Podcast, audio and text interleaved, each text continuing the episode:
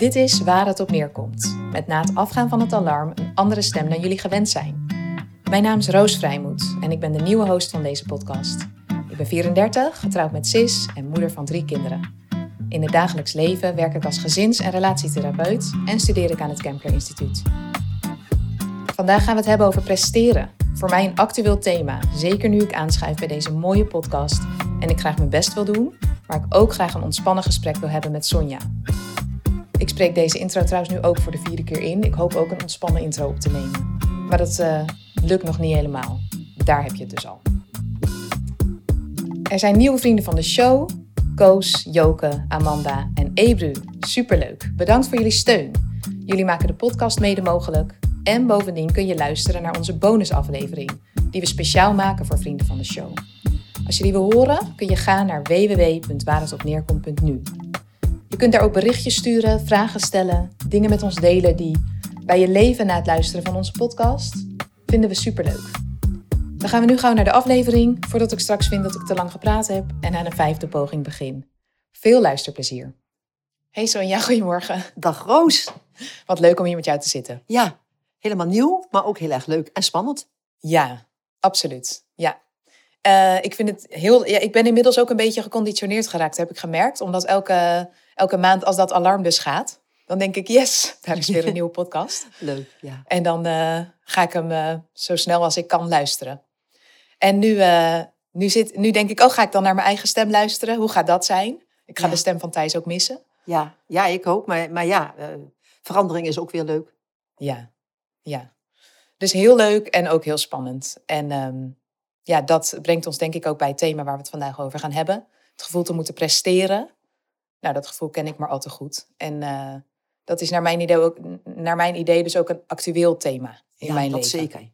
Zeker. Toen je daar met mij even over had, van dat lijkt me wel leuk om het daarover te hebben, dacht ik, ja, dat, dat speelt zo ontzettend in de hele maatschappij op dit moment. Uh, dat het me wel goed lijkt om het daar een keer over te hebben, omdat ik denk dat bijna iedereen daar wel, of met zijn eigen leven, of met zijn kinderen, uh, of vrienden, mee te maken krijgt. Ja, en hoe die druk dan kan voelen. Mm -hmm. Ik moet nu mijn best doen, ik moet iets neerzetten, ik moet, nou ja, presteren. Mm -hmm. En dat soms alle ontspanning en plezier wegneemt. Ja. Dat is, uh, ja, dat is zo jammer. Het is ongelooflijk jammer. En ik, ik kom er dus heel veel tegen, ook in therapieën. Jij waarschijnlijk ook. Ja. Je bent ook therapeut. Um, en uh, het, is, het is eigenlijk een heel pijnlijk gegeven. Want het, het hele uh, uh, gedoe, het willen of moeten... Kijk, iedereen wil graag presteren. Dat is geen punt. Dat is normaal iets. We willen allemaal, als we iets doen, willen we het goed doen. Dat is een, normaal gevoel. Maar wanneer dat uh, eigenlijk alles over gaat nemen... Wanneer je moet presteren en wanneer je voor je gevoel eigenlijk bijna nooit goed genoeg presteert. En het kan altijd nog beter, en het kan altijd Ja. nog meer. Als je helemaal aan die kant komt te zitten, richting, richting perfectionisme. ehm, ja, dan is er iets anders aan de hand. En het, eh, het verdrietige daarin is e- eigenlijk dat de ondergrond, dat hele probleem, dat komt voort uit het feit dat deze mensen vaak in hun jeugd voornamelijk gewaardeerd zijn om wat ze doen en veel minder om wie ze zijn. En dat laatste, niet echt gewaardeerd of je geliefd voelen om wie je bent, Mhm. dat is natuurlijk een heel pijnlijk gegeven. Ja. En voor, mij is, voor mijn gevoel is dat lijntje ook heel dun. Dus soms ben je trots op iets wat je hebt neergezet. En ik denk Ja. dat daar ook niks, niks mis mee Niks. is. Maar zo snel hang je het ook op aan dus ik ben oké. Ja, nou, dat, dat is wat je dus krijgt. Als ik presteer, Ja. ik- eigenlijk zou, je, zou ik het zo willen zeggen, ik ben oké als ik presteer. Ja. En eigenlijk ben ik niemand, ik stel niks voor, ik ben niemand, en dan moet je letterlijk die zin nemen, ik ben niemand als ik niet presteer, als ik niet iets goeds doe. En daar krijg je het verschil tussen doen en zijn. Ja. En daar, daar zit eigenlijk, dat, dat kun je door alles heen kun je dat vasthouden. Ik heb het voor mezelf op een rijtje gezet. Eh, dat, dat kunnen de luisteraars niet zien, maar misschien kunnen we dat online zetten. Dat presteren heeft echt met doen te maken. En, en zijn, hè, gewoon leven, heeft met, met zijn te maken. Wie, wie ben je? Dus wat doe ik en wie ben ik, zijn twee totaal verschillende dingen. Ja, ze, en- zitten, wel aan elkaar vast, maar het is wel totaal iets anders. Het ene is gedrag Ja. en het andere is, is wie jij bent. Het ene is buiten en het andere is binnen. Ja, en ik ben benieuwd hoe het dan komt dat we die twee toch zo aan elkaar koppelen. Dus ik moet denken aan een uitspraak die uh, in, in het laatste weekend uh, bij Kempler, trainer die zei, um, onthoud allemaal goed, dat wilde die soort van meegeven ook, dat presteren niets te maken heeft met geliefd zijn. Nee. En die raakte mij, omdat ik ook voelde van, nee, maar die klinkt heel logisch en ik weet het, en toch... Nee, maar dat komt omdat als je als kind voornamelijk gewaardeerd wordt uh, op wat je doet, ja. en dat hoeft helemaal niet met kwaaie bedoelingen, hè? Nee, ik, ik, denk juist vaak goede bedoelingen. Hele bedoelingen. Ja. Ik, ik, ik herken wat jij straks zei, ik, herken dit feilloos. Het is mijn hele leven lang een thema geweest. Ik heb een ontzettend lieve, toegewijde vader gehad, maar die uh, heel graag zelf had willen leren en verder had willen komen in zijn leven. En dat die kans niet gekregen heeft omdat hij een te trotse vader had. En die wilde geen geld van anderen aannemen. Ze waren arm. Um, dus heel graag wilde dat wij alle kansen kregen en ze benutten. En, uh, maar daar sloeg hij behoorlijk in door. Ja. Dus uh, voor, voor, voor ons was wel het gevoel dat als we de liefde van onze vader uh, wilden krijgen, dan moesten we goed presteren. Ja. Terwijl als ik het bij terug, aan terugdenk, denk ik dat dat ten diepste helemaal niet waar was. Dat hij echt wel altijd van ons zou hebben gehouden. Maar zo voelt het niet meer als je vaak genoeg een boodschap krijgt of vermoedt of voelt, het hoeft niet eens altijd uitgesproken te zijn, dat het heel belangrijk is dat je presteert. En dan is je vader trots op je. Ja. Dus dan ben je geliefd. Als kind plak je die twee dingen op elkaar. Ja, en ik denk ook dat we vaak inderdaad vanuit die goede bedoelingen die boodschap aan kinderen geven. Ja. Dat ging mij toen ik moeder werd steeds meer opvallen. Uh, hoe ontzettend vaak, ook vooral door mezelf, wordt geroepen tegen jonge kinderen al. Goed zo, goed gedaan. Ja. Wauw, wat een mooie tekening als je amper naar de tekening kijkt. Of um, bij dingen die ook vanzelfsprekend zijn, dat kinderen ze leren. Ja. En natuurlijk ben je trots op die eerste stapjes van je kind. Of uh, ze hoeven maar iets kleins te doen en je moederhart springt op van vreugde. Dat is zo herkenbaar. En toch, toen ik, me, toen ik daar meer naar ging luisteren, naar al die goedzo's ging ja, het me zijn... soms ook tegenstaan, nee, nee, omdat ze soms zo leeg zijn. Nou, omdat, ze zijn niet alleen leeg, maar ze zijn ook in principe schadelijk. Ja, om, uh, Er is niks verkeerd aan een compliment. Ik heb in mijn leven heel weinig complimenten gekregen. Ik ben er heel mijn leven gevoelig voor gekregen, ge, ge, geweest. En je hebt het ook gemist? Ik heb het heel erg gemist. Ik had heel graag één keer van mijn vader willen horen dat hij trots op me was. Ja. Ik wist het op het laatst wel. Ik kon het zien aan dingen, maar hij heeft het nooit gezegd. Dus nou, dat daar kan ik altijd uiterste. nog vol van schieten. Ja. Want ja, dat blijft, dus, dat blijft toch een gemis. En je blijft maar naar die waardering en dat, dat, daar blijf je maar naar streven. Uh, en dat, dat werkt ook mee in dit hele gegeven. Maar de ander, het andere uiterste is weer je kinderen half dood te gooien met complimenten. Ja. Waardoor uh, ze niet alleen naast hun schoenen kunnen gaan lopen. Iets waar mijn vader dus bang voor was. Die gaf geen compliment, want dan zou ik wel eens naast mijn schoenen kunnen gaan lopen. Maar um, het grootste de grootste ellende is dat kinderen worden afhankelijk van die waardering. Ze, ze ontwikkelen niet het gevoel dat ze oké okay zijn in wie ze zijn, ook door al die complimenten. Dat is dan positief, maar het zijn wel steeds boodschappen. Uh, oh, ik hou van jou. Oh, wat geweldig. Oh, dan hou ik van jou. Oh, wat oh, dus als ik dat allemaal doe, dan houden ze van me. Als ik dat allemaal doe, dan ben ik oké. Okay. Ja. Kinderen worden, als ze volwassen zijn, worden volwassenen die afhankelijk zijn van de waardering in de buitenwereld. En daar gaan ze hem ook zoeken. En ze raken helemaal het contact kwijt met wie ze nou eigenlijk zelf zijn. Ja. En dat is iets wat, waar, je, waar je altijd in je leven last van krijgt. En uh, het contact kwijt met wat ze leuk vinden om te doen, denk ik. Dus ergens hè, die ambities die je kunt hebben van dit wil ik graag leren en hier word ik blij van, dat is denk ik iets heel moois. Maar zo vaak ligt op de loer dat je het vooral doet om te horen van anderen of de bevestiging te krijgen dat je iemand bent omdat je ja. iets bereikt hebt. Ja, je, het begint met wat je eerst zegt, ja. dat het gewoon leuk is. Maar vervolgens uh, ga je hengelen naar die waardering.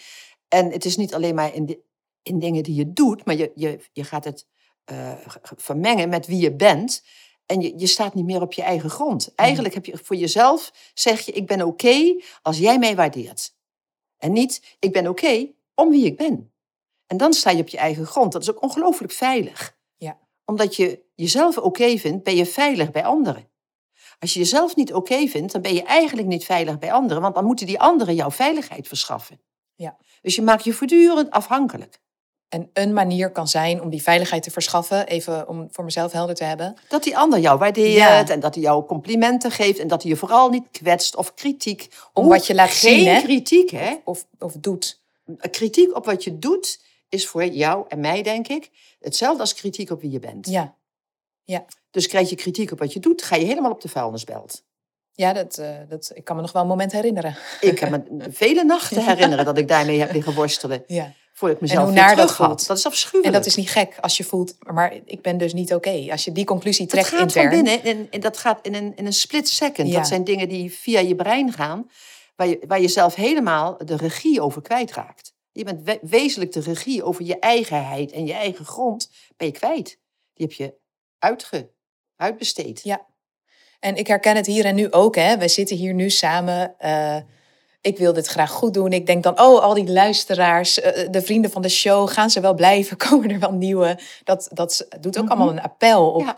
mijn best te willen doen. Terwijl ik ondertussen denk, ik wil zo graag gewoon dat ontspannen gesprek voeren als de roos die ik ben. En dat is eigenlijk veel leuker. Dus die twee zijn dan met elkaar in strijd.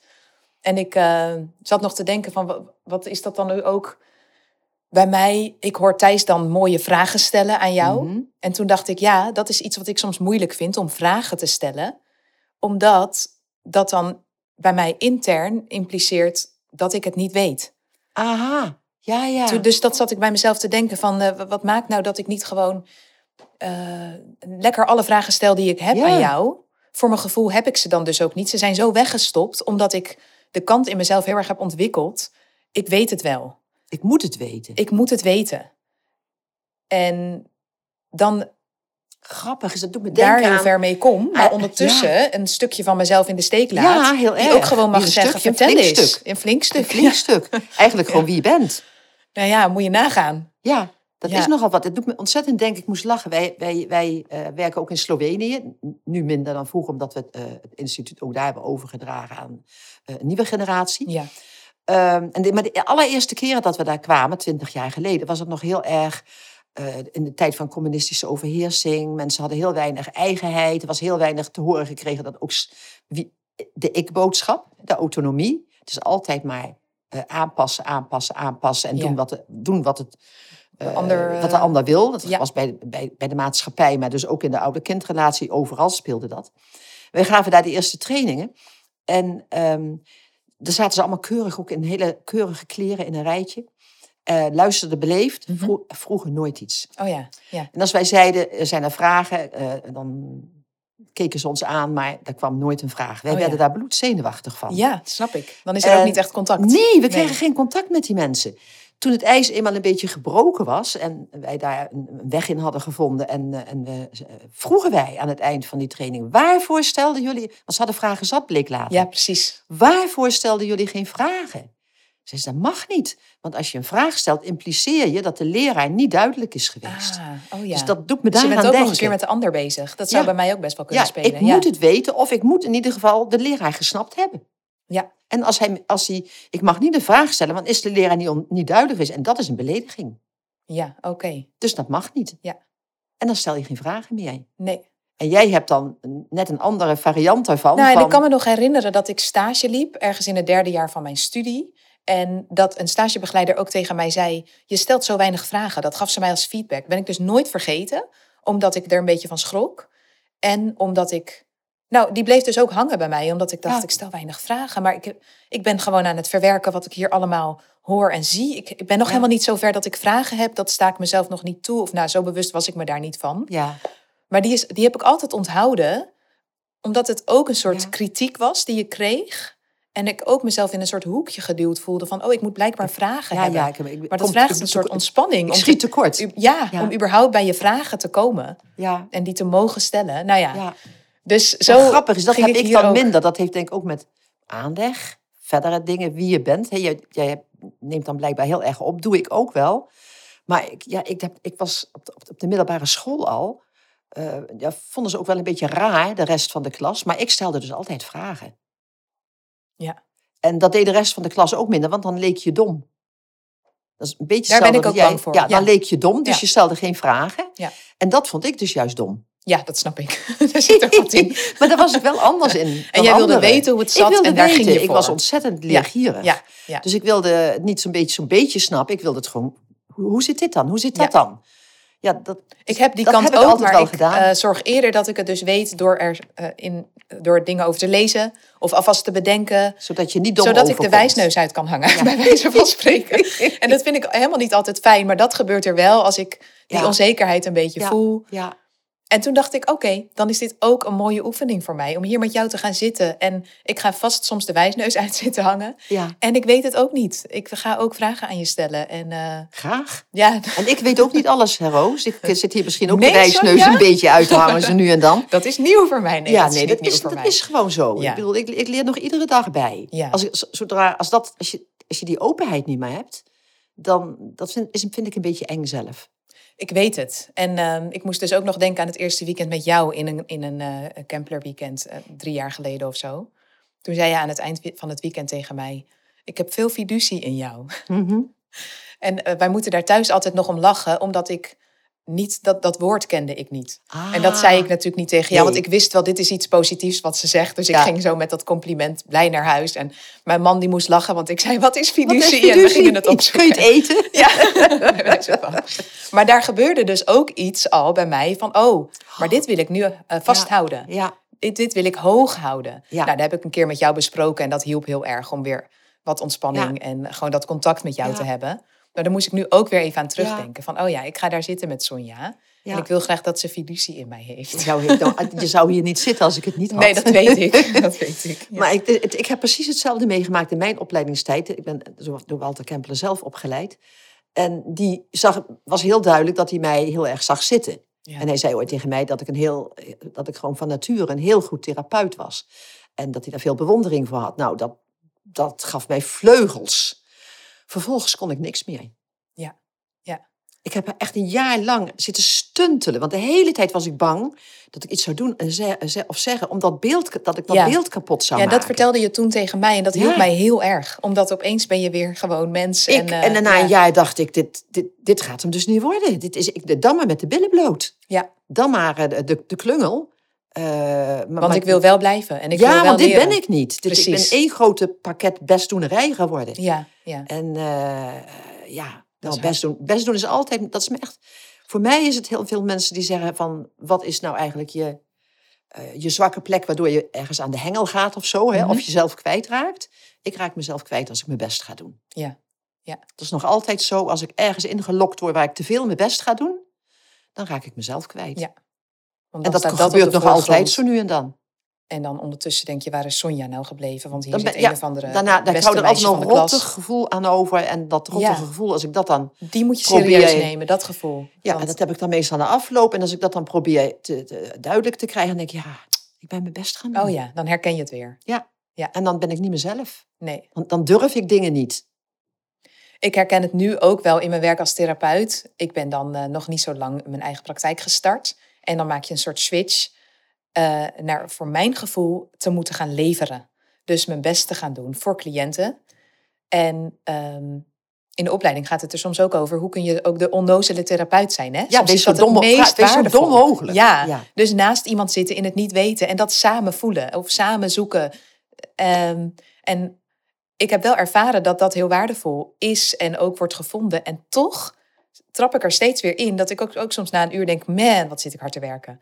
Wat Ja. voel ik toch weer? Ik, eh, er komt hier iemand en die worstelt en die, die weet het niet. En nu moet ik het dus weten. Ja, En ik Ja. weet met mijn hoofd wel dat het niet zo is, maar mijn gevoel gaat met me aan de haal. ja. Terwijl ik vanuit vroeger niet per se herken dat ik bij mijn ouders moest komen, bij wijze van spreken, van nou laat maar weer eens zien welke cijfers je hebt gehaald. Of, Nee, maar dat is ook helemaal niet nodig. hè. maar het Dat kan heel subtiel blijkbaar. Ja, dat zit in hele subtiele dingen. Ja, En je moet er gevoelig voor zijn. oh ja.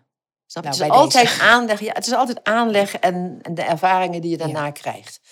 Eh, je hebt ook mensen die zijn er weinig gevoelig voor Ja, en die ontwikkelen dat niet. Eh, maar heel veel mensen hebben die gevoeligheid wel. En in deze huidige tijd, vind ik, eh, is de hele maatschappij en de hele social media, dat hele gedoe, dat speelt er ongelooflijk op in. Ja. Dus dat maakt het wel, eh, wel lastiger. Dus laten zien aan elkaar wat je hebt bereikt, wat je hebt gepres- gepresteerd. Voortdurend, als je dus op Facebook kijkt, of, ja, ik zit dan alleen maar op Facebook, maar er zijn ook nog alle- allerlei andere kanalen. Ja, ja. Daar mensen, je gooit, ze gooien elkaar dood met de meest fantastische verhalen. Het Ja, zijn alleen maar fantastische plaatjes. verhalen. En dat geeft anderen het gevoel dat ze, te- dat ze falen als ze niet net zo fantastisch zijn. ja. Het is, ik, ik bedacht gisteren de zin van tegenwoordig twijfelen we aan onszelf. En dan het woordje zelf, aan onszelf. Als we niet fantastische dingen doen. En daar heb je dus weer dat doen en zelf wat op elkaar geplakt is. Ja. We denken dat we zelf echt heel, van, heel iemand zijn als we fantastische dingen doen. Of er fantastisch uitzien. Al die jonge meisjes die geheel ge- met geplamuurd eh, eh, ergens zijn. En waar je denkt van, dat is niet meer een levend iemand. Ja, ja, Maar, maar- en, en iedereen wil zich onderscheiden en beter zijn. Maar ze worden ook eigenlijk allemaal uniform. ja. Gaan, je, gaat, je gaat allemaal uniform worden. Iedereen zit maar in die red race van succes, presteren, doen. Eh, je moet als je heel jong bent al een eigen huis hebben en een auto en dit en fantastische vakanties. En oh, hoor Terwijl nou dat super moeilijk is om allemaal te bereiken. Steeds moeilijker wordt ook. En dat Mensen is dus heel dubbel. Ja, je raakt burn-out. Je Ja. raakt, er, gebeurt- er zitten allerlei prijskaartjes aan. Maar de maatschappij, en niet alleen de maatschappij, want de maatschappij zijn wij natuurlijk met z'n allen samen. Met z'n allen samen jagen we elkaar die kant uit. Ja, en eh, we hadden het net natuurlijk even over hoe subtiel dat kan zijn. Want het is iets van vandaag de dag. Maar het is natuurlijk ook al jaren zo dat op de familiebijeenkomst, die dan maar één keer per jaar is, je oom of tante vraagt: wat doe jij? Wat doe Ja, jij nu tegenwoordig? ja. Dat, dat is dan. Ja, Dus zelfs in het voorstellen voor deze podcast dacht ik: ja, wat ga ik nou zeggen? Natuurlijk wil ik benoemen dat ik relatietherapeut ben en dat ik een, een opleiding doe en eh, prima. Maar wie ben ik nog meer? Dus ja, ja, dat, dat, daar stond ik ook even bij stil. En ehm, ik dacht ook nog, dat zit ook in kleine vragen. Dus als je, je komt je kind thuis van voetbal, zeg je dan, heb je nog gescoord? Of zeg Nee. je, hoe, hoe was het heb leuk? je het leuk gehad? Ja, Ja, dat zou ik zeggen. Heb je het leuk gehad? ja. En, en ook, Maar als je zegt, ik heb twee doelpunten gezet, zou ik zeggen, super joh, hartstikke fijn Tuurlijk. voor je. Ja. Dat mag ook. ja. En, en doe je best vandaag op school of heb een fijne dag. Ik denk echt dat het een, Ja, want een keer dat roepen prima, maar als Nou, ik- een ik kind door zijn hele jeugd heen, de of jij wel eens aan de rand soort- van een voetbalveld hebt gestaan. Niet vaak nog. Ik, niet bij mijn eigen kind, want ik heb vier dochters. Ja. Geen van allen voetbalden. Nee, maar ik heb zes maar- kleinzonen. Ja, oh ja, precies. Dus daar heb ik er wel gestaan. Ik was zo geschokt. Ja, De hysterie van sommige ouders. ja. Nou, ik heb dat wel aan de rand van het zwembad. Dus ik zit elke week met mijn dochter bij zwemles. En er zijn ook? ook? ouders die het niet kunnen verdragen. Er zijn gewoon badmeesters en juffen in het water. Die, die geven de les. Maar sommige kinderen die zijn natuurlijk vijf jaar... en die zijn bezig met de lampjes op het plafond of eh, weet ik veel. En sommige ouders kunnen het niet...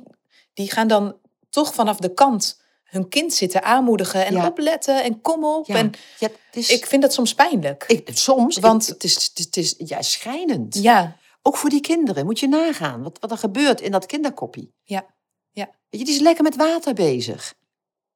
Precies. Moeten ze- en dat is precies, presteren, presteren. Ja. Het is zo'n akelige boodschap. Ja. En die ouders doen het alleen maar omdat ze willen dat hun kind meegaat Tuurlijk. en ook het diploma haalt. En Er zit geen kwaad bloed bij, maar het is echt, het is niet oké. Mhm. Het is niet oké. Nee. We moeten daar echt heel voorzichtig mee zijn. En hoe zie je dan, want ik ben daar dan ook zoekend in. Hè? Mijn zoon van zeven, die belt mij eh, twee weken geleden. Ehm, ik was weg, dus hij wilde mij graag bellen. Omdat hij zo trots was op een hoge CITO-score die hij had gehaald. Nou, ik, ik voel al heel veel weerstand bij groep 4 en CITO's. Ik vind dat echt Mhm. een ding, dat ik denk... Kan dat niet op een andere manier? Want het zijn Mhm. allemaal grafiekjes en scores. En, maar hij was blij en hij was trots. En Ja, natuurlijk voelde ik dat ook gelijk. Van, oh, wat leuk. Ja. Maar ik merkte dat ik me wel gelijk bewust was van... hoe ga ik reageren? Wat ga ik zeggen? Want Ja. dit zijn die momentjes die hij ook op gaat slaan. Misschien onbewust. ja. Dus wat, wat, wat zou jij daarover willen zeggen Ja. tegen die ouders... die nou ja, dit misschien herkennen? Of tegen jou. Ja, bij, ja. Maar wat, wat zegt je hart? Wat zegt je hart op zo'n moment? ik weet nog dat ik eh, vooral voelde... wat is dit leuk? En dat ik dat heb gezegd. Wat Ja. leuk, Abel. Klaar. En ik hoor dat je blij bent. Ja, maar dat is hem. En ik ben ook blij. Ja, Ja. tuurlijk. Ja. Maar dat klinkt En heel niet- logisch. Maar als je zou zeggen, hoe hoog was die dan? Oh ja. Oh ja, nee, die neiging had ik En wat is de niet. hoogste score? Ja, en zit hij daar wel? Weet je, dan, dan, dan het, maar, maar natuurlijk is het kind blij. Want hij zit ook in een omgeving waar dit belangrijk wordt gevonden. Ja. Dat, daar kun je je kinderen niet uithalen, want daar zitten ze in. Ja, ja. Dus ja, natuurlijk is hij dan blij. Dus dat, en dan mag je hem, dan mag je hem, dan mag je gewoon laten merken dat jij dat fijn voor hem vindt. Vooral fijn voor hem. Ja. Dat het niet per se voor mij ineens, nu ik dit zeg, Ja, daar zit een verschil. want hij is blij en je kunt gewoon samen met hem blij zijn. Ja, ik ben blij voor jou. Voor mij is het niet zo belangrijk. Ik blijf altijd van je houden. Mhm. Dat is grappig. Bedenk nu deze zin Ja. ineens. Ja, mooie zin. Dat is een hele essentiële. van eh, dit is niet belangrijk voor mij, maar het is heel fijn voor jou. Als jij er ook blij mee bent. Ja. En als je een lage CITO-score hebt, jammer, maar ik hou nog steeds superveel van Ja. je en ik vind je fantastisch. Ja. Weet je, dat is, dat, is, dat is de boodschap die een kind moet hebben. Ik weet wel, ik, ik heb ooit een van mijn kinderen begeleid in het doen van het MAVO-examen, omdat zij niet zo schoolgeoriënteerd was, zal ik maar zeggen. Ze heeft het al uitstekend gedaan in haar leven, HBO, alles gedaan. Maar dat had ze dus niet zo. Dus ik dacht, die heeft even hulp nodig. Mhm. En ehm, toen heb ik tegen haar gezegd, voor mij hoeft het niet. Want al, als je achter de kassa zit, ik hou evenveel van je. En eh, diploma's, ik heb alle diploma's voor mijn leven die ik nodig heb. Eh, jouw leven is jouw leven. Eh, daar ben jij de baas over. Ja. Maar als jij het examen wil halen, dan wil ik je wel helpen. Ja, ja. Alleen dan wil ik nooit dat je zeikt over het feit dat ik je help. Oh ja. Dan moet je wel van Dat is tevoren, denk daar even over na. ja. Heeft ze ook gedaan, heeft ze echt over nagedacht. En toen zei ze, ja, dat is oké. En dat hebben we toen gedaan. En dat is fantastisch ge- gelopen. Omdat je naast haar kon zitten. En in plaats van naast gaan haar- trekken of Niks, gaan duwen. deed je alles Ja. samen gewoon. Ja. Waar, wat zit je, wat vind je moeilijk? Waarvoor vind je dat moeilijk? Welke hulp heb je nodig? Ja. Maar met de boodschap van, voor mij hoeft het niet. Ik denk dat die Dat vind ik essentieel een is. mooie, omdat ik ook moet denken aan een ehm, gezin met wie ik heb gewerkt, waarbij er twee dochters waren die het hele pad bewandeld hadden en een VWO-diploma en zonder moeite. En toen kwam er een jongen en die liep buiten het gebaande pad. Vreselijk, ja. Ja, ook heel leuk. Ja, Heel ja, ja vreselijk voor dat nee, kind. ja, precies. Ja. En die lat, maar die lat lag daar. Dus ik zag ook Ja. steeds hoe hij worstelde met ook loyaal naar zijn ouders. Maar ehm, ik snap ook dat het voor ouders soms lastig te verdragen is dat deze jongen, van wat je aan de buitenkant zag, 14 jaar, bezig met vrienden, absoluut niet met school, blijven zitten, begint op haven. Nou, je kent het. Mhm. Ehm, en er werd gewoon nog niet duidelijk wat zijn ambities dan wel waren. Dus Ja. zijn ouders, ik snapte ook dat zij zeiden: een ander pad is oké, maar dat we een beetje weten waar dat dan naartoe leidt. Of dat je dan echt loslaat: joh, dit is jouw pad, we zijn er voor je. En misschien blijf je nog een keer zitten, bij wijze van spreken. Dat is ook lastig. Het is knetterlastig. Ja. Ik zeg vaak tegen ouders van, eh, jouw kind heeft het volste recht. Zijn leven is van hem. om onderuit te gaan. om het volledig te verpesten. Ja, ja, Dat kunnen ze heel moeilijk horen. Maar het is wel waar. Ja. En dat moet je je als ouder realiseren. Natuurlijk wil je dat niet. Wil je, voor, je wilt voor je kind het beste. Maar de narigheid is dat je voor je kind het beste wilt in jouw ogen. precies. Ja. En Ja. je weet het, het pad van het kind niet. En sommige ouders zien echt al voor zich. Dat wordt dus de goot. Die belandt in de goot. Dat En hoeft is- helemaal nee, niet. weet ik. Maar dat is een nare Daar- gedachte. Daar zijn ze ja. bang voor. Maar Ja. dat hoeft helemaal niet. Hoezo niet? Hij kan, misschien wordt hij wel een goede, goede tuinman. Vindt hij het heerlijk tussen de planten en de bloemen. Ja.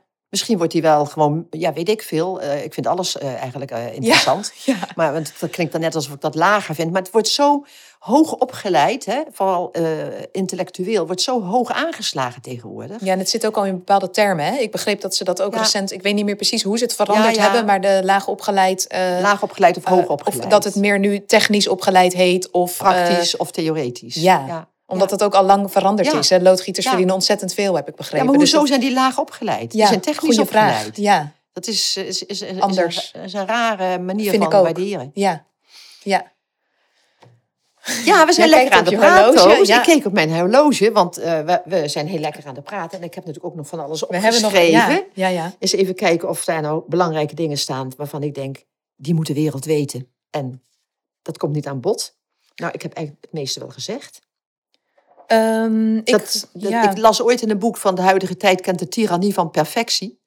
En dat vond ik wel een hele mooie zin. Volgens mij is het van die Belgische psychiater, van Dick, Dick de Wachter. Ehm, want we, er is een constante druk om mooi, leuk, bijzonder en geslaagd te staan, zijn. Mhm. En dat vind ik waar jonge mensen heel veel last van hebben. Ja. En, en daar, ik vind wel dat we daar op, op bedacht moeten zijn. Wij, ja, ik kan niet veel meer. Ik ben natuurlijk van een eh, generatie een stuk verderop. Maar eh, jouw generatie kan daar met, met hun kinderen nog wat aan doen. Want er wordt ook heel veel... De, de druk die kinderen voelen, Mhm. die doen daarmee een appel op de ouders. Ja. En de ouders, die proberen dat wel wat te reguleren. Maar Ja. ze geven ook heel veel mee. En ik denk dat daar meer tegenkracht nodig is. Want ik vind het een ongezond circuit. Ja, en ik denk ook, jij zei net, ze zitten in dat systeem. Dus dat ze op school bijvoorbeeld zo werken. Maar ik eh, sprak een groepsgenoot van mij hierover en dat vond ik heel leuk. Die zei, ik heb nooit de grafiekjes op de rapporten van mijn kinderen willen zien. Ze zei, ik keek er gewoon niet naar. Het maakt me ook niet uit. Ik wil dat mijn kind blij is op school. Ja. Dus dat 10 minuten, 10 minuten gesprek ging zij ook in met zulke vragen. En ze zei, het was echt soms ongemakkelijk voor de juffen, of de meester, om een ander soort gesprek te gaan voeren. Ja, Wil je niet ja. toch nog even? Nee, zei ze, ik wil het niet zien. Ja, Nou, ja, Ehm, ik heb in het laatste 10 minuten gesprek met de juf van mijn zoon iets anders ervaren, omdat het ook echt ging over hoe hij in de klas was en hoe hij gegroeid was, eh, sociaal-emotioneel en superleuk gesprekje. Dus het is niet zo, denk ik, dat juffen en meesters alleen maar daarnaar kijken. zo zwart-wit is het niet Nee, gelukkig niet. Maar ik vond dat wel een soort tegengeluid waarvan ik dacht, oh, dat vind ik echt leuk. Een beetje Ja. eh, iemand dwingen tussen haakjes om een ander soort gesprek te voeren. Ja, maar als dat nodig is, snap je? Ik Ja. ben ook altijd een Als je beetje voelt- die tegen, die tegenbeweging. Dan ga je helemaal aan de andere kant hangen. Mhm. Dan, dan, dan, dan is dat weer een beetje te veel. Want er is niks verkeerd Nee, met die je grafiekjes. Je, bedoelt. kunt er een oog op slaan. Nou, En soms er- is het heel handig. ziet er en- goed uit, maar ja. hoe is het verder met hem in de klas? Ja. Weet je, dat is, je hoeft niet zo, zo... Ja, ik vind als je... eh, als dingen, ik ben even het woord kwijt, maar als het dingen een, een principe worden... Ja, nee, zij had er last van en dat was haar manier. En dat Ja. is ook niet mijn neiging. Maar ik snap wel dat dat tegengeluid soms nodig is. Ook Ja. voor zo'n juf of Ja. meester die het Ja. misschien vooral erover heeft. Of, eh, Ja, maar of, of dat je, en dat je gewoon kunt zeggen, nou, het is leuk dat hij goed presteert, maar is hij ook blij op school? Ja. Heeft hij vriendjes? Eh, hoe gaat dat? ja. En vindt hij leren leuk? Ja, en En dat weet je thuis meestal ook al wel. Dat weet je ook vaak al wel. En ik weet nog dat hij in het begin van groep drie bijvoorbeeld moeilijk stil kon zitten. En dat de juf ons een keer als ouders een foto stuurde dat hij op zijn tafel lag te luisteren. En die foto was als een soort met een glimlach van kijk Ja. eens hoe lekker hij Ja. ligt te luisteren. Ja. En dat deed me zo goed. Ja, Want nee, sommige hij kon nog niet aan zijn nee, tafeltje. En Sommige kinderen hebben dat. Mijn kleinzonen, eh tenminste van, van mijn jongste nog, die zijn ongelooflijk fysiek bewegelijk. ja, En die kijken bijvoorbeeld de televisie of, of lezen een boek terwijl ze op hun nek staan. Met hun Precies, benen op de omhoog kop of de ja, bank. En ja. dat beweegt maar, dat gaat Ja. alle kanten op. ja Dan denk ik, wat zijn ze toch aan het doen? Dan is hij gewoon aan het lezen. Ja. Maar dat lijf kan niet stilzitten. Nee, en, En, in voor de hem klas... is het op school ook heel moeilijk om gewoon Ja. te blijven zitten. En dan kan ontstaan dat als, als je als juf dat moeilijk vindt om het te zien of te laten gebeuren, Word je daar negatief op beoordeeld. ja, ja. Je moet stilzitten. En, dan je krijg je, en dan krijg je ook een boodschap. Jij bent niet oké. Ja, dat ligt Want jij echt op de doet loer. iets wat niet hoort. Ja. En natuurlijk moeten we onze kinderen leren dat ze sommige dingen niet kunnen doen. Dat die niet oké zijn. Want je moet wel altijd eh, eh, sociale vaardigheden ook aanleren. Dus niet alles kan in iedere situatie. Maar dat is meer buitenkant gedrag. Mhm. Zodra je eh, de kinderen gaat beoordelen of gaat bijschaven op wie ze zijn ten diepste. Dit, jij bent niet oké, want jij bent te druk. Ja. Jij bent niet oké, want je schreeuwt te hard Mhm. dan, dan zit je lastig. Want ik zeg ook altijd voor in de opvoeding, je, je hoeft kinderen niet te begrenzen. Je moet zelf grenzen hebben. Ja, die onthoud ik ook altijd van jou. Ja, dan lopen Ja. dan kinderen tegenaan en dan zeg je tegen de kinderen, ik vind dit niet leuk of ik wil dit niet hebben. Dat is wat anders dan wat jij doet is fout. Ja, dus, Want kinderen denken dan, oh ben ik fout. Dus je zou eerder zeggen, jij roept nu heel hard, dat doet zeer aan mijn oren. Dat vind ik niet fijn. Ja, ik vind dat niet fijn. In plaats van, jij Ja. mag dat niet doen, Ja. want ja. Als ik, eh, als ik met twee kleinzonen achterin ben, eh, heb ik dan opgehaald van school. Wij passen dan op die dag en dan zijn ze met z'n tweeën. Kunnen ze heel kabalig zijn. ja, En dan zeg ik op een gegeven moment, jongens, alsjeblieft, zouden jullie daarmee kunnen stoppen? Want ik krijg er hoofdpijn van. precies. Ik zal Gaat nooit zeggen, jezelf. wat, wat stom dat jullie zo schreeuwen of Mhm. zo. Want ze zijn gewoon enthousiast. Ja, ze doen het niet om jou maar te ik, pesten. nee, helemaal niet. Nee. Maar ik wil wel dat ze rekening met mij houden. En dat moeten ze ook leren. Ja, ja. En ze hoeven niet te fluisteren, maar wel even een beetje dimmen. Dat je bij jezelf houden is heel belangrijk. Ja. En tegelijkertijd geef je daarmee de kinderen ook een soort van boodschap van wie jij bent. Daar gaat het om. Ik heb daar last van. Dus wie ik ben, daar mag jij rekening mee houden. Ja, je geeft ook een soort goed voorbeeld dan. Ja. Je leeft het voor, dat Ja. het ertoe doet. Ja. ja. Ja. Ja, mooi. Want dat vind ik altijd het meest pijnlijk in dit hele gebeuren. Dat, dat, ehm, ja, dat mensen dus echt het contact met wie ze ten diepste zijn, zijn kwijtgeraakt. Mhm. En dat mis je altijd. Je, je, de- je, je, je- je- als, je, als, je, als je focus op de buitenwereld komt te liggen, hè, omdat daar moet de waardering en de bevestiging vandaan komen, en je raakt het contact met je binnenwereld en wie jij bent kwijt, ja, dan sta je altijd half in de wereld of, of nog minder. Want je hebt het belangrijkste gedeelte, is niet thuis. Ja. Het is wel thuis, want je kunt het nooit kwijtraken. Maar het zit ergens heel diep weg en mag niet praten. Ja. ja, en naar mijn idee is dan echt een belangrijk verschil. Ben je, want met presteren op zich hoeft niks mis te zijn. Dus ben je bezig met strijden voor iets waar je heel blij van wordt. Wat je, iets wat je neerzet, waar je misschien ook succesvol in bent. eh, vanuit je hart, vanuit wie je bent dus.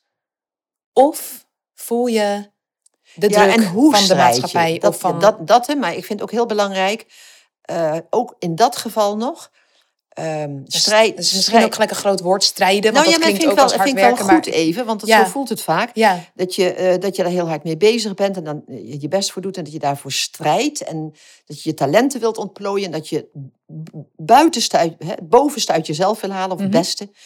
Ehm, maar hoe voer je die strijd? Ja. Daar gaat het voor mij om. Ja. Is dat gewoon met open oog voor de mensen om je heen? Blijf je die ook waarderen? Krijgen die ook nog een plek? Doen die ook nog mee? Of gaat het ten koste van anderen? ja, of van jezelf. Dat, dat gaat het altijd uiteindelijk. ja. ja, Maar nee, maar dat is een goed Het, voor mij is ook heel belangrijk, want dat is in deze, we zijn behoorlijk eh, doorgeschoten individuele maatschappij Mhm, geworden. mhm. Waarbij het helemaal oké is dat jij je eh, talenten ontplooit en dat jij het allerbeste wordt. En dat het je geen fuck interesseert wat, wat er met de ander gebeurt. Dat is helemaal niet meer zo erg. Dat, dat, dat groepsgevoel, die verbondenheid, die cohesie, eh, dat begint nu weer wat te komen. Maar die is behoorlijk verloren gegaan. Want het was allemaal het individu, het individu, het individu. ja. En dat was belangrijk, moest ook gebeuren, maar het is helemaal doorgeschoten. Ja. Ja, ik zit En, even te en denken. wat, je, wat je dus doet, is ook een van de dingen waar ik aan dacht toen ik me hierop voorbereidde, is als je wat minder eh, eh, druk zou zetten op individueel presteren Ja, en wat meer op samenwerken, Ja. dan is dat een hele mooie tegenhanger voor die toch wel van die, van die, die oververhitte sfeer, die er ook vaak in een groep of in een klas om of toch waar de dan ook, beste te zijn. om altijd de beste te zijn. Ja, ja. Om altijd te winnen, want je creëert winnaars en verliezers, geen samenwerkers. Nee. Dus wij hadden laatst avond vierdaagse en toen kon je als school kon je de gouden bezem winnen. En dat vond ik heel leuk, want dat ging over samenwerking. Eh, hoeveel Ja. afval werd er op straat gegooid? Hoe, wer, hoe was de, de verbinding, de liedjes, de gezelligheid? En daar werd Ja. ook naar gekeken. Ja. En eh, tussen scholen onderling ontstond dus wel een soort leuke concurrentieachtige eh, concurrentie sfeer. is niks verkeerd Nee. mee. Die hoort er ook te zijn. Het is competitie en coöperatie. Het Ja, is de strijd aangaan voor jezelf en samenwerken met anderen. En, en. Het is niet of-of. En als school en leerlingen verbond het echt. Ja, Dus dat vond ik heel leuk om Ja. te zien. En ehm, ik sprak mijn zus nog eh, over dit onderwerp. En zij heeft een eh poos in Afrika gewoond met haar gezin. En haar kinderen gingen daar ook naar school. En daar maken ze gebruik van het Franse schoolsysteem. Mhm. En ik begreep van haar dat je daar bijvoorbeeld de ranking krijgt van je klas. Dus als je niet zo goed meekomt, ben je bijvoorbeeld 25 van de 30. Van de 30 kinderen. Dus toen dacht ik, oké, dan valt het in Nederland nog mee. Want je krijgt gewoon een nummertje op hoe hoog je staat in de ranglijst van eh, beste leerling. Die vond ik ook, daar schrok ik ook van. ja, ja. ja. Dus dat creëert ook winnaars en verliezers. Als je Verschrikkelijk. 25 bent, is het niet zo best. nee, dat is niet best. Dan hang je Nee. onderaan. Je zult met nummer 30 zijn. Precies. Want die moet er zijn. Ja, ja, Dat is, dat is de narigheid. Ja. Hoe goed je ook wordt, als je naar boven gaat, er is altijd een nummer 30. ja. Ja. Hoe moet dat voelen? Ja, daar ben ik, ja. Dat is echt naar. Dat is verschrikkelijk. Ja. Dat is, ja, dat, dat is, dat is, nou ja. Dus ik weet niet hoe zij, dat, eh, hoe zij dat zien. Dat zouden we een keer aan iemand moeten vragen, bijna. Maar eh, in Nederland denk ik dat we het soms in het klein doen door eh, wel een kanjer van de klas of zo. Dat, Nou, dat en soort- door de, die scholen zo eh, te, te, te eh, beoordelen ook. Ja, hè? oh ja. Hoe, hoe, Ja. hoe noemen ze dat ook? Kanjerschool of nee, het heeft een naam. Ja. Ik ben de naam even Je kunt in het rood staan en in het groen. Ja, dat weet ik ook even ja, niet. die scholen die dan bijzonder goed presteren. Ze Ja. willen er ook mee stoppen. oh, Nou, dat, dat, is, dat is heel onaangenaam. want dat gaat ook er over de gaat score van leerlingen, denk ik. Ja. Ja, of juist. Ja. En ik heb daar verslagen over gelezen, vond ik ontzettend pijnlijk. Dat scholen bijvoorbeeld in een achterstandswijk, die alles uit de kast halen om hun leerlingen te motiveren en, en verder te helpen. En fantastisch presteren wat Ja. dat betreft, maar Ja. hun administratie niet helemaal op orde hebben ja. daardoor. Dat zijn dan zwakke scholen. Oké. Dan denk ik, jongens, Kijk Denk na. met een andere bril. Ja. denk na. Ja. We zijn een papieren maatschappij geworden. Als de cijfertjes kloppen, dan ben je goed. Nee. Mhm. En hetzelfde is met rapporten. Als je allemaal tienen hebt, ben je dan een goed mens? Nee, ben je succesvol mens. Ja. Tot op zekere hoogte. Ja. Waarin? Waarin? Ja, en daar zit denk ik weer het verschil. Want ik vroeg aan jou, hè, ben je ook de oma die eurotjes uitdeelt bij de rapporten van je kinderen? Ja, ja die Wat ben ook ik. heel leuk is. Mijn ouders doen het ook bij mijn kinderen. Ja, Ehm, maar ik doe het niet zoals mijn vader deed. Dat je, mhm. We kregen een dubbeltje voor een zes en een kwartje voor een zeven. Ja, dat vind ik een- wel. Ja, dat is wat anders. Zo. En dat, ma dat maakte niet eens zoveel uit, maar we hadden niet veel geld, dus het was ook wel heel erg leuk. Maar daar was al meteen van, dat verschil zat er dus in. Ja. Je voelt hem wel. ja, Je voelt hem wel. En, en mijn, mijn kleinkinderen krijgen eh, een, een, een euro of twee euro. ja. Voor, maakt niet eens uit welk rapport ze hebben. Nee, zo doen mijn ouders dat ook. En dat voelt heel ontspannen. En Want die kinderen komen met dat rapport en die hopen, die hengelen. eh, ik heb het één keer vergelderd en toen kwam mijn klein zo'n schoorvoetend. eh, oma, eh, krijg ik er misschien ook nog wat Oh, voor? Dat, gaat, ja. dat is gewoon dus een spaarpot. En weet je, dat, dat is. en- je mag kinderen waarderen. Er is, niks, er is niks verkeerd aan individuatie. Er is niks verkeerd aan jezelf onderscheiden. Er is niks verkeerd aan kinderen waarderen en het beste uit jezelf halen. Maar dan wel passend bij wie iemand is. Ja. Ja. Het moet altijd bij elkaar zijn. Sommige kinderen zijn anders. En dat verschil is ongelooflijk belangrijk. En dat is een van de grote manco's van de maatschappij tegenwoordig, dat we het verschil niet meer waarderen. Terwijl het, was, het verschil is ook voor samenwerking van, Ja. van essentieel belang, Ja. want dan vul je elkaar aan. Ja, Dus het verschil is ongelooflijk belangrijk. En, en laten we daar in godsnaam niet aan voorbij gaan. Want dat, dat, dat, ja. Plus dat het heel pijnlijk is voor het kind wat het betreft. Ja. Hoeveel kinderen komen niet later in therapie als volwassenen omdat ze op school geplaagd werden, eh, eh, eh, niet respectvol behandeld werden, soms door leerkrachten, omdat ze anders waren. En daar wordt heel veel in slecht en goed gekeken en niet in anders. ja, En dat is voor, in mijn ogen, ja, ik denk ook straffen en belonen. Hè, dat waren vragen die jij ook van tevoren had. Hoe, zie, hoe kijk je daar tegenaan? Ik denk straffen, belonen, geld voor een goed rapport. zijn allemaal dingen die, waar niks verkeerd mee is. Mits het altijd ten dienste staat van een evenwichtige ontwikkeling van het kind tot een goed mens. ja. En, en niet tot een succesvol mens. En ik ben helemaal niet vies van succesvol zijn. Nee. Maar nummer één is, hoe gelukkig is je kind? Ja, en wat uit, uit welke motivatie doe je het zelf? Of ik denk soms ligt het ook dicht bij elkaar. Dus wat ik net beschreef over ehm, in mijn werk soms voelen van, oh, mag ik die onnozele therapeut zijn van mezelf? Ja? Het, het, het plezier is dan soms even weg omdat ik zo hard mijn best zit te doen. En ik weet ook dat dit wel is wat ik wil doen. Ik, dit heeft mijn hart. Ik wil graag hier doorheen of zo. Dat is Mhm. soms ook nodig. Mhm. Maar ik ben er ben me wel van bewust dat ik de boodschappen die ik heb gekregen, dus vroeger meeneem. En dat ik daarom soms nu toch voel, ik moet mijn best doen. Ik moet Ja. presteren. En eh, de, de wens daar ontstaat om er wat vrijer in te zijn. En dat vraagt ook wat bewustzijn of zo. Nou, daar begint het mee. Ja. En dat is ook voor alle, hè, want ik denk van even aan de luisteraars, voor alle luisteraars. eh, als, je, als je dit hebt ontwikkeld, dan, dan neem je dat mee in je leven. En de eerste stap om er beter mee om te kunnen gaan, is het jezelf bewust worden. Ja, dus oh, oh, nou ga ik mijn best doen. Nou ga ik mijn best doen. Wil ik dat eigenlijk wel? Ja, Sta er even bij stil. Doe een stap naar achteren en kijk waar je eigenlijk staat. Ja. Wat je eigenlijk wilt. Wat je zou willen doen of zeggen als je dat best doen even aan de kant schuift. Dat gevoel dat je moet presteren. Waar sta je dan? Wie ben je dan? Dan ben je soms misschien gewoon een beetje bang. Of je weet het niet. Of je voelt je kwetsbaar. Of je, dat, je best doen staat altijd voor iets. Om, Ja. om iets anders niet te voelen. Ja. En durf dat te voelen en kom daarmee, want dat is wie je bent. En, als je en dat vraagt ook moed om daar dan vraagt- mee te komen. Dat vraagt moed. Maar alle verandering vraagt moed. Ja. Dat is gewoon zo, want dat, ben je niet gewend. Daar, je, je moet uit je comfortzone. Ja. Eh, Want doorgaan en goede cijfers halen is ook een, vorm van veiligheid. dat lijkt, dat denk je, dat is niet zo. Je bent hartstikke schijn- onveilig, maar je creëert een schijnveiligheid. Ja, want dat is wel wat je kent. De Dat manier wat je waarop kent, je het dan ben ik oké. tot nu toe hebt gedaan. Dus als zo. ik goed presteer, nou, als ik een hele goede lezing heb gegeven, dan voel ik me heel goed op mezelf. En eh, dan zit ik eigenlijk half in dat oude circuit.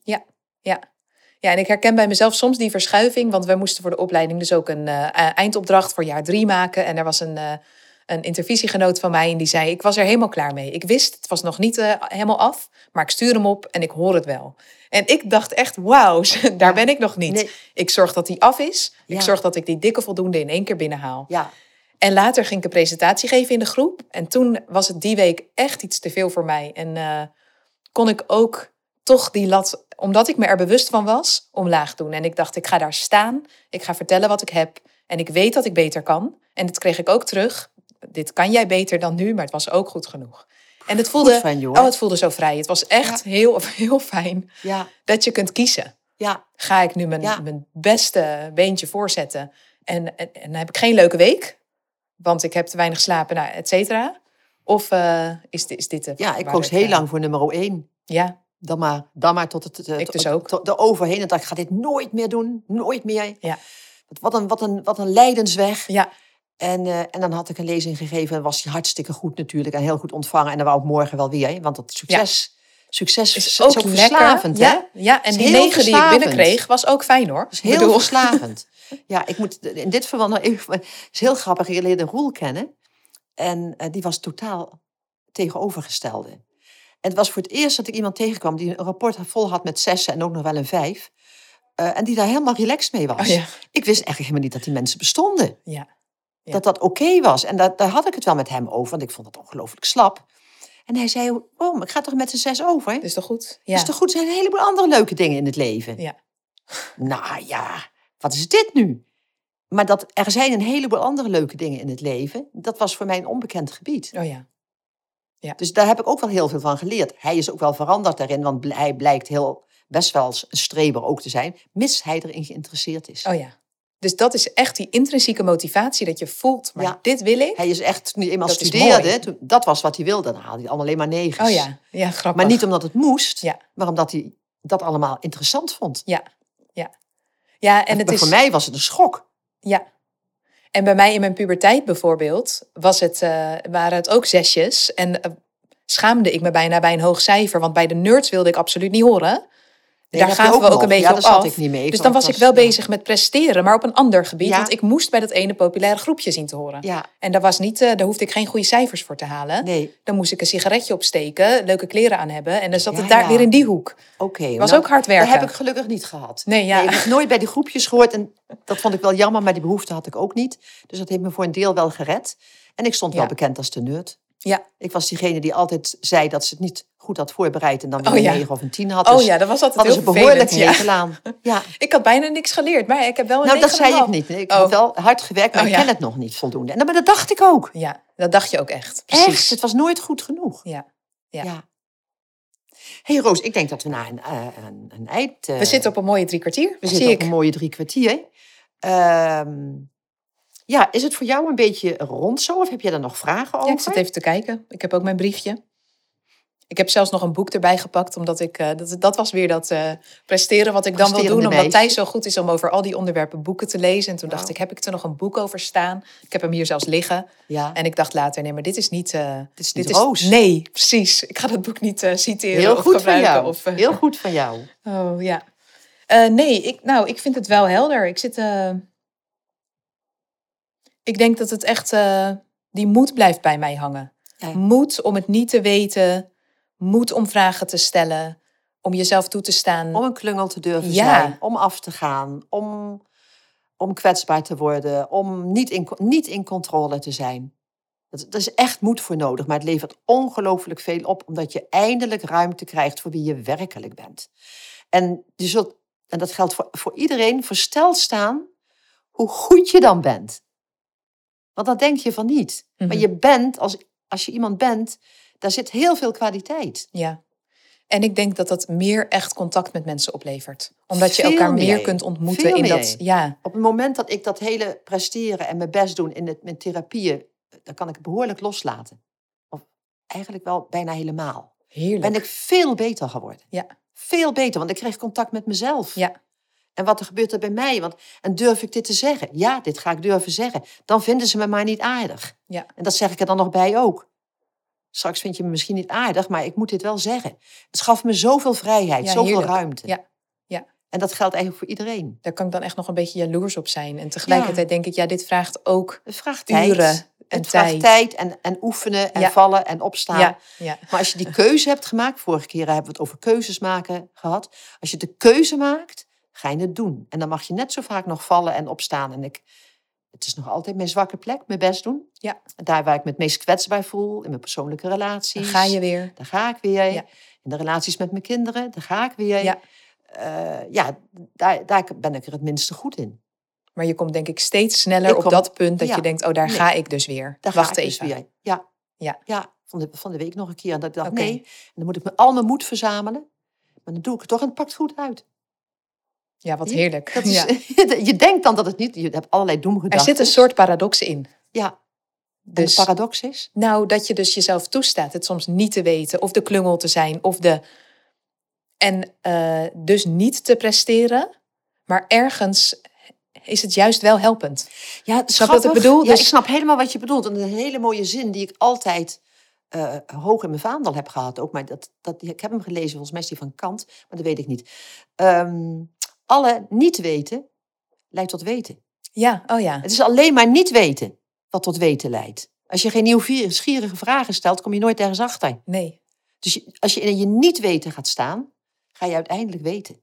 Die, die voel ik dus. Dat ik denk, oh wat mooi Ja. en ook wat moeilijk. En ook niet kunnen Mhm. leidt tot kunnen. Niet kunnen leidt niet tot kunnen als je het opgeeft. Ja. Maar als je iets niet kunt en dat mag wil, van jezelf, precies. Maar je mag klungelen, je mag falen, je mag fouten maken. Ik had, had van de week een gesprek met iemand die dus heel moeilijk zichzelf toestaat om te klungelen, om fouten te maken, om, nou, ja, om dat, dat blijft, blijft allemaal bidden. Ja. Dus je weet nooit wie, wie, wie je tegenover je hebt. mhm. Ehm, en die was meubelmaker. En toen zei ik, hoe ben je meubelmaker geworden? Heb je nooit een foutje gemaakt dan? Nee. En toen vertelde hoe die meubelmaker was geworden. Ja. Zei, ja, nou, En dan schaaf je bij en dan doe je het opnieuw. En dan... begin zo met jezelf. Ja. Het is precies hetzelfde proces. Mooi. Als je, als je de keuze, keuze maakt, ja, dan kan dat veel. Ja. Ja. Ja, en dan eindigen we altijd op de een of andere manier met eh, waar het op Waar het neerkomt. op neerkomt, Ik, ik ja. zat nog even naar deze rijtjes te kijken. Ja. Dat ik, ik wil dat nog één keer herhalen. Misschien hebben mensen daar heel veel aan. Ja. Misschien ook niet, maar dan hebben we pech gehad. Mhm. Nemen we dat risico maar. Precies, dan is dat ook maar Hè? zo. Dat bij presteren, daar hoort hè, wat doen, wat doe ik? En bij zijn hoort zijn, wie ben ik? Presteren, dat wordt benadrukt door waardering te krijgen. Je, wie je bent, wordt benadrukt door liefde te ontvangen. Mhm. Dus daar zit de liefde kant. En wat belangrijk is, als je veel wa- op waardering gaat zitten, dan krijg je ook zelfwaardering. Ja. dat zijn best wel mensen die staan stevig in hun schoenen, hebben veel zelfwaardering. Maar dat is wat anders dan zelfvertrouwen. Zelfvertrouwen gaat over je innerlijke ik. Ik ben oké om wie ik ben. Ik ben oké om wie ik ben. Dat zit bij, bij als je durft te zijn wie Ja, je bent. ja. En zelfwaardering, dat zegt ik ben alleen oké als. Ja. En zelfvertrouwen zegt ik ben altijd oké. Doet er niet toe wat. Mhm. Bij presteren, die hebben het akelige gevoel van ik ben niemand als ik niet. Die ene baan heb, die ene studie afgerond En dat is een heb. heel naar Eh, gevoel. Wie ja. ben ik dan? Wie ben ik dan? Niemand. Terwijl de andere, je bent altijd iemand. Maakt niet uit wat er gebeurt. Maakt niet uit wat er gebeurt. Ja. Dat betekent niet dat je op je kont- kunt gaan Je zitten. altijd waarde. en uit je neus eten, omdat Mhm. je al iemand bent, Mhm. dan heb je ge- geen motivatie meer in je leven. Maar je hebt altijd, je bent iemand. En dat is waardevol. Ja, gewoon omdat je bestaat. Ja, Die vind ik heel mooi. ja gewoon omdat je bestaat. Dat is een geboorterecht, zou Ja. je kunnen zeggen. Het Ja. is gewoon een geboorterecht. En ja, ik had opgeschreven waar het op neerkomt. Dus is eigenlijk dat elk kind is uniek. Elk kind is anders. En elk kind heeft het nodig om geliefd en gewaardeerd te worden om wie die is. Meer dan om wat hij doet. Dan om wat hij doet. Het andere mag ook, maar het, ligt, het ligt om de balans. Ik ga het zelf ook weer proberen te onthouden. Ja, ik hoop iedereen, want ik denk wel dat het een heel mooi onderwerp is wat je aangekaart hebt. En eh, dat het eh, zeker in deze tijd met, met al die influencers die een dikke boterham verdienen aan, aan die hele eh, drang om, om, om, om. Dat is allemaal buitenkant wereld, buitenkant, Ja, buitenkant, buitenkant. En die worden er stinkend rijk van met buitenkant dingen. En, en de hele maatschappij is op het ogenblik een beetje zo ingericht. En iedereen rent daar maar blindelings op af Ja, omdat we toch ergens contact met wie we zijn en waar het op aankomt in het leven, zijn kwijtgeraakt. ja. Ja, en het voelde voor mij dus als een heel logisch onderwerp, omdat ik dacht, ga ik daar zitten? Thijs stelde mij die vraag. Ik zei, ik heb eigenlijk iets te veel spannende dingen in mijn leven op het moment. En toen dacht ik, maar dan moet het er dus over gaan. Ja, Dus dat gaf me ook gelijk Ja, weer mooi. ontspanning, want dit Ja. is er. ja, En ik ga er zitten met, met mijn spanning onder mijn arm. En dat vraagt dus ook die moed. mooi. Ja, En dat voelt dus heel wezenlijk. Grappig. En ook dus Ja. de waar het op neerkomt boodschap. Ja, Ja. die... eh, Ja. Ik vond het natuurlijk ook spannend. Want Ja, voor mij is het ook met iemand- iemand anders. En ik Ja. was natuurlijk heel veilig en bekend met Thijs. Ik vond het heel leuk trouwens, eh, Roos. En, eh, maar ik heb dat, gelukkig ben ik in die valkuil niet meer gestapt. Ik heb me niet beter voorbereid als anders. Ik Nee. zelfs minder goed voorbereid als anders. ja, Omdat ik daar ook meer naartoe groei en denk... Ja, ik heb die dingen opgeschreven, die kwamen gewoon uit mijn hoofd. Eh, dan zal ik ze nou ook wel in mijn hoofd hebben zitten. ja ze, ze kwamen van jou. Ja, dus, maar dan, heb ik, dan ja. schrijf ik van die mooie zinnen op en die wil ik dan hier gaan zitten herhalen. En Ja. dat, moet je, dat moet je helemaal niet willen. Ja. En, maar dat gebeurt helemaal niet in een gesprek met jou, omdat je gewoon heel lekker actief bent. Ik heb ervan genoten. Fijn, goed om te horen. Op naar de volgende keer zou ik zeggen. Oké, op naar de volgende keer. Bedankt, tot de volgende keer. Tot de volgende keer.